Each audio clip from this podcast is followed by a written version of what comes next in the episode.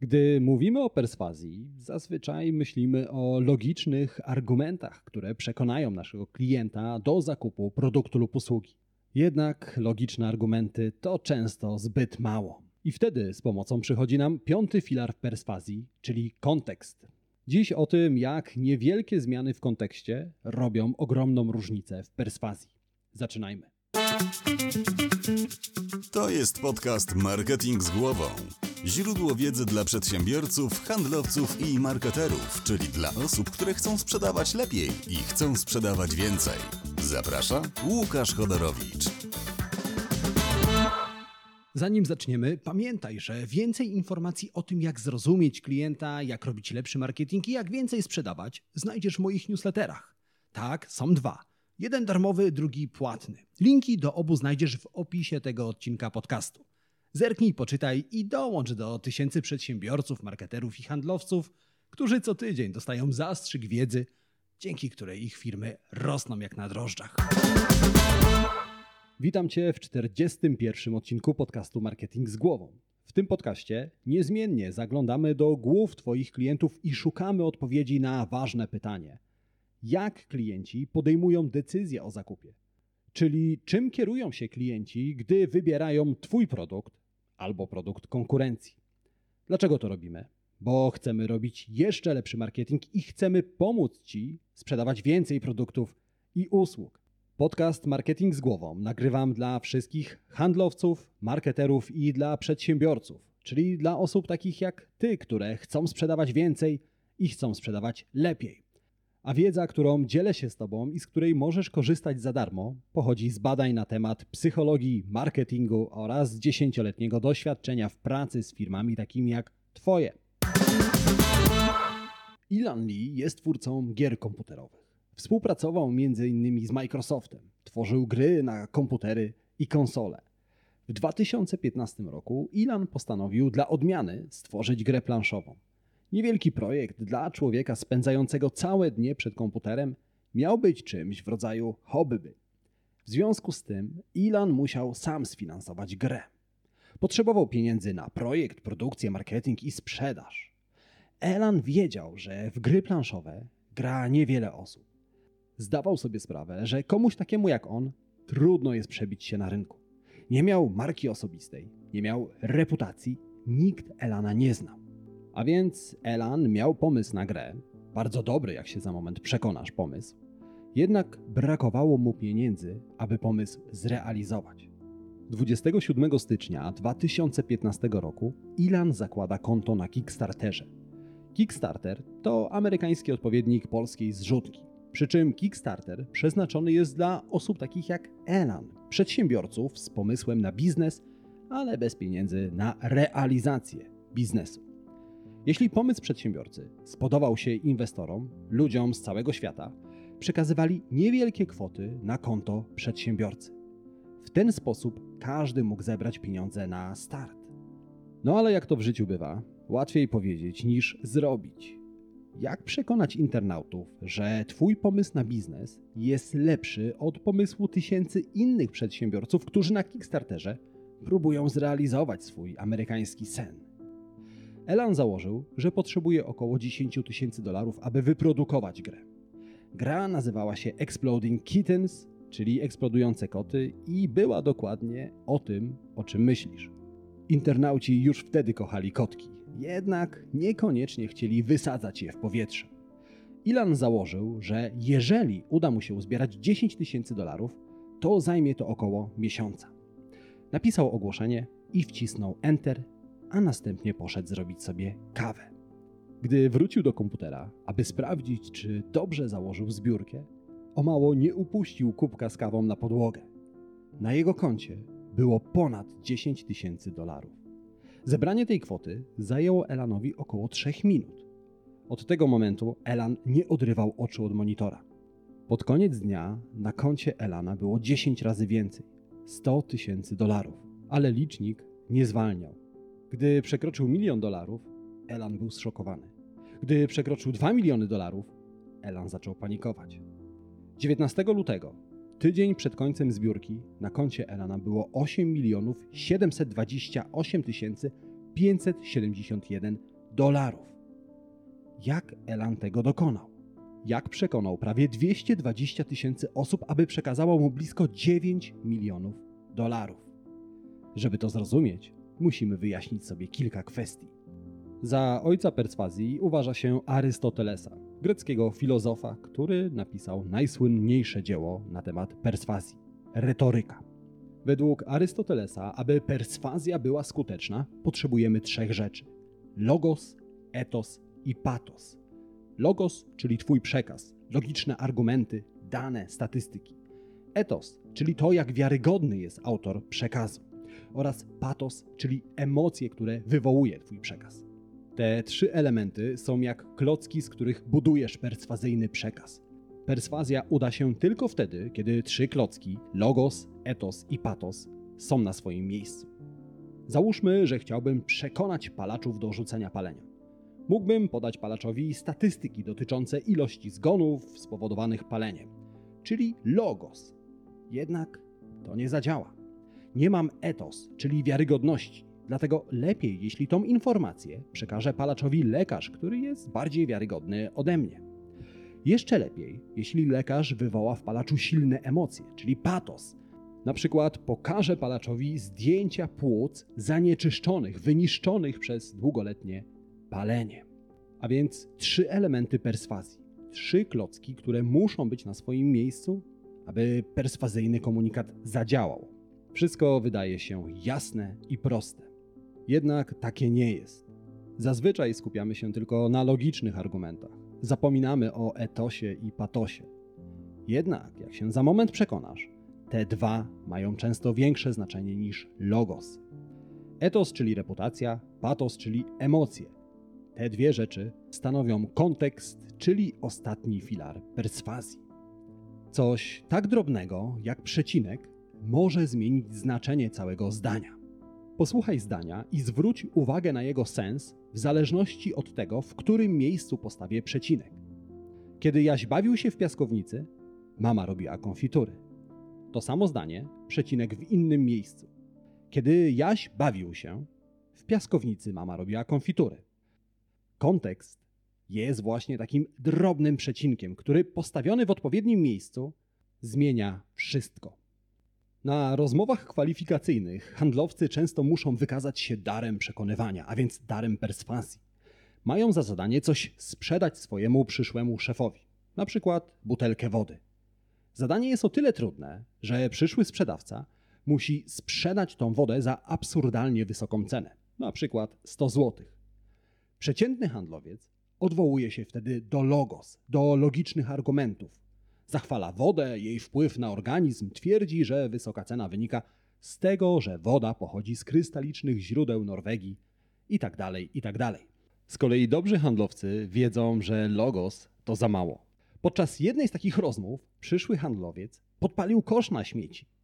Zmienił kontekst rozmowy, a szef gotowy był zapłacić za wodę nawet dwa razy więcej, aby ugasić pożar. Kontekst w perswazji ma często największe znaczenie. 12 stycznia 2007 roku na peronie metra w Waszyngtonie pojawił się mężczyzna.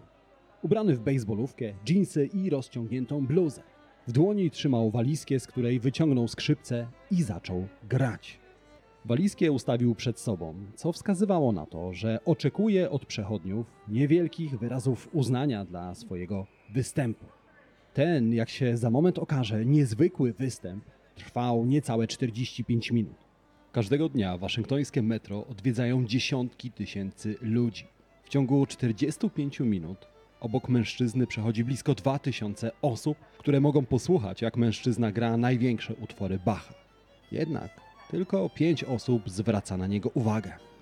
Gdy mężczyzna skończył grać, w walizce znalazł tylko 32 dolary. Jednym słowem, furory nie zrobił. Być może skrzypek nie popisał się i grał wyjątkowo źle, pomyślisz.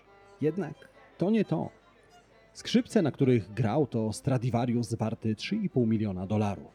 A mężczyzna nazywał się Joshua Bell i jest światowej sławy skrzypkiem. Bilety na jego koncerty kosztują po 150 dolarów i sprzedają się w ciągu kilku minut po premierze. Jak więc wytłumaczyć to, że tego styczniowego dnia Joshua Bell zarobił jedynie 32 dolary? Odpowiedź brzmi kontekst. Zazwyczaj spodziewamy się, że światowej klasy skrzypek koncertuje w Filharmonii w towarzystwie orkiestry reflektorów, nie w towarzystwie koszy na śmieci i pędzących wagonów metra.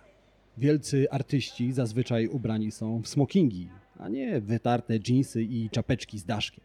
Okazuje się, że nawet wspaniały artysta, jego kapitalna muzyka, pozbawione odpowiedniego kontekstu, są dla przechodniów obojętne. Richard Taylor, laureat ekonomicznego Nobla, pokusił się o to, aby wycenić, jak dużą wartość ma dla klientów kontekst. Richard Taylor przeprowadził eksperyment, który teraz spróbujemy odtworzyć. Wyobraź sobie, że jesteś na wakacjach ze znajomymi. Leżycie na plaży, słońce pali niemiłosiernie, a temperatura sięga powyżej 30 stopni. Chce ci się pić. Znajomy oferuje, że skoczy po zimne piwko. Ile gotowy jesteś zapłacić za jedno piwo, jeśli znajomy powie ci, że idzie do Lidla? Pewnie nie więcej niż 5 zł, prawda? A teraz wyobraź sobie, że w okolicy nie ma Lidla, a znajomy idzie po piwo do baru na plaży. Ile teraz jesteś gotowy zapłacić, aby nieco się schłodzić? Najprawdopodobniej około 12 zł, prawda? W eksperymencie Taylora ludzie byli gotowi zapłacić za piwo o 77% więcej, gdy napój pochodził z plażowego baru. Dlaczego? Ponieważ zmienił się kontekst. W tym wypadku miejsce, z którego pochodziło piwo, sklep lub bar. Wiemy, że ceny w Lidlu są zazwyczaj przeciętne. Wiemy również, że ceny w barach na plaży są znacznie wyższe, a więc kontekst zmienia to, ile gotowi jesteśmy wydać. Wie o tym również McDonald's. McDonald's, bądź co bądź, jest fast foodem, niczym poza tym. Ludzie na ogół oczekują pewnego poziomu cen od fast foodów, niskiego poziomu, jeżeli chodzi o ścisłość. McDonald's jednak sprytnie zmienia kontekst i tym samym wpływa na ceny swoich dań. Po pierwsze, McDonald's swoich klientów nie nazywa klientami, nazywa ich gośćmi, a swoje lokale nazywa restauracjami. No i cóż zrobić? Ceny w restauracjach są zazwyczaj wyższe aniżeli ceny w budkach z fast foodami. Po drugie, kilka lat temu McDonald's uruchomił sieć kawiarni McCafe. To również zabieg, który zmienia kontekst. Kubek kawy w fast foodzie czy nawet w restauracji jest znacznie tańszy aniżeli w kawiarni. Rozumiesz już, co zrobił McDonald's? Dla ciebie kontekstem najczęściej będzie marka, która pojawia się w sąsiedztwie twojego produktu lub usługi. Najczęściej twoja marka, ale jak się za moment przekonasz, nie zawsze. Im silniejsza marka, tym większa moc perswazji. Silne marki darzymy większym zaufaniem i jesteśmy gotowi więcej zapłacić za jej produkty lub usługi. W 2015 roku na aukcji sprzedano obraz pod tytułem Chrystus Drobny kolekcjoner zapłacił za ten obraz 10 tysięcy dolarów. Niewiele, biorąc pod uwagę fakt, że ten sam obraz w 2017 roku wart był już 450 milionów dolarów. Jak to wytłumaczyć? Za wszystko odpowiada oczywiście kontekst. W 2015 roku sądzono, że obraz Chrystus namalował jeden z wielu uczniów Leonarda da Vinciego. Jednak kilka lat później okazało się, że autorem obrazu był sam Da Vinci. Co się zmieniło? Niewiele.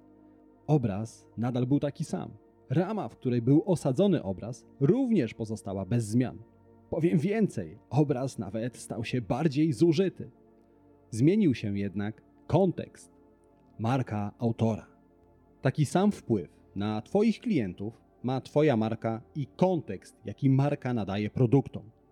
Ale tak jak wcześniej powiedziałem, Kontekst tworzy każda marka, która pojawi się przy Twoim produkcie lub usłudze. Gdy brytyjska drużyna kolarska popadła w ruinę i zajmowała ostatnie miejsca na olimpiadzie, producenci nie chcieli sprzedawać brytyjskim kolarzom rowerów. Bali się, że zły wizerunek brytyjskiego teamu odbije się na sprzedaży rowerów. Dlatego zachowaj szczególną ostrożność, jeśli planujesz budować kontekst współpracując z innymi markami i influencerami, Zastanów się, jak zmieni się postrzeganie Twojego produktu, Twojej usługi i czy w ogóle warto inwestować w taką współpracę. No dobrze, ale co z tymi wybuchającymi kotami? jak Elan Lee zebrał prawie 9 milionów dolarów w 3 tygodnie. Zdaje się, że Elan Lee podświadomie rozumiał to, o czym ty dowiedziałeś się z dzisiejszego odcinka podcastu Marketing z głową. Ilan rozumiał, że kontekst zmienia wszystko. Ilan Lee dał pomysł na grę. Jednak za projekt graficzny, rysunki i ilustracje odpowiadał niejaki Matthew Inman. Inman jest autorem kultowego w Stanach Zjednoczonych komiksu pod tytułem Oatmeal. Dla Amerykanów Inman jest rysownikiem celebrytą, kimś pomiędzy naszym polskim Andrzejem Mleczko a Robertem Lewandowskim.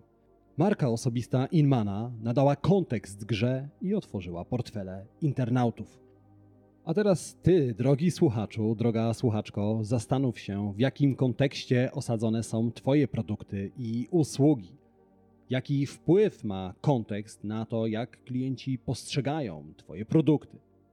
Ale zanim ruszysz, trzy najważniejsze rzeczy, które chciałbym, abyś zapamiętał, zapamiętała z tego odcinka podcastu Marketing z głową.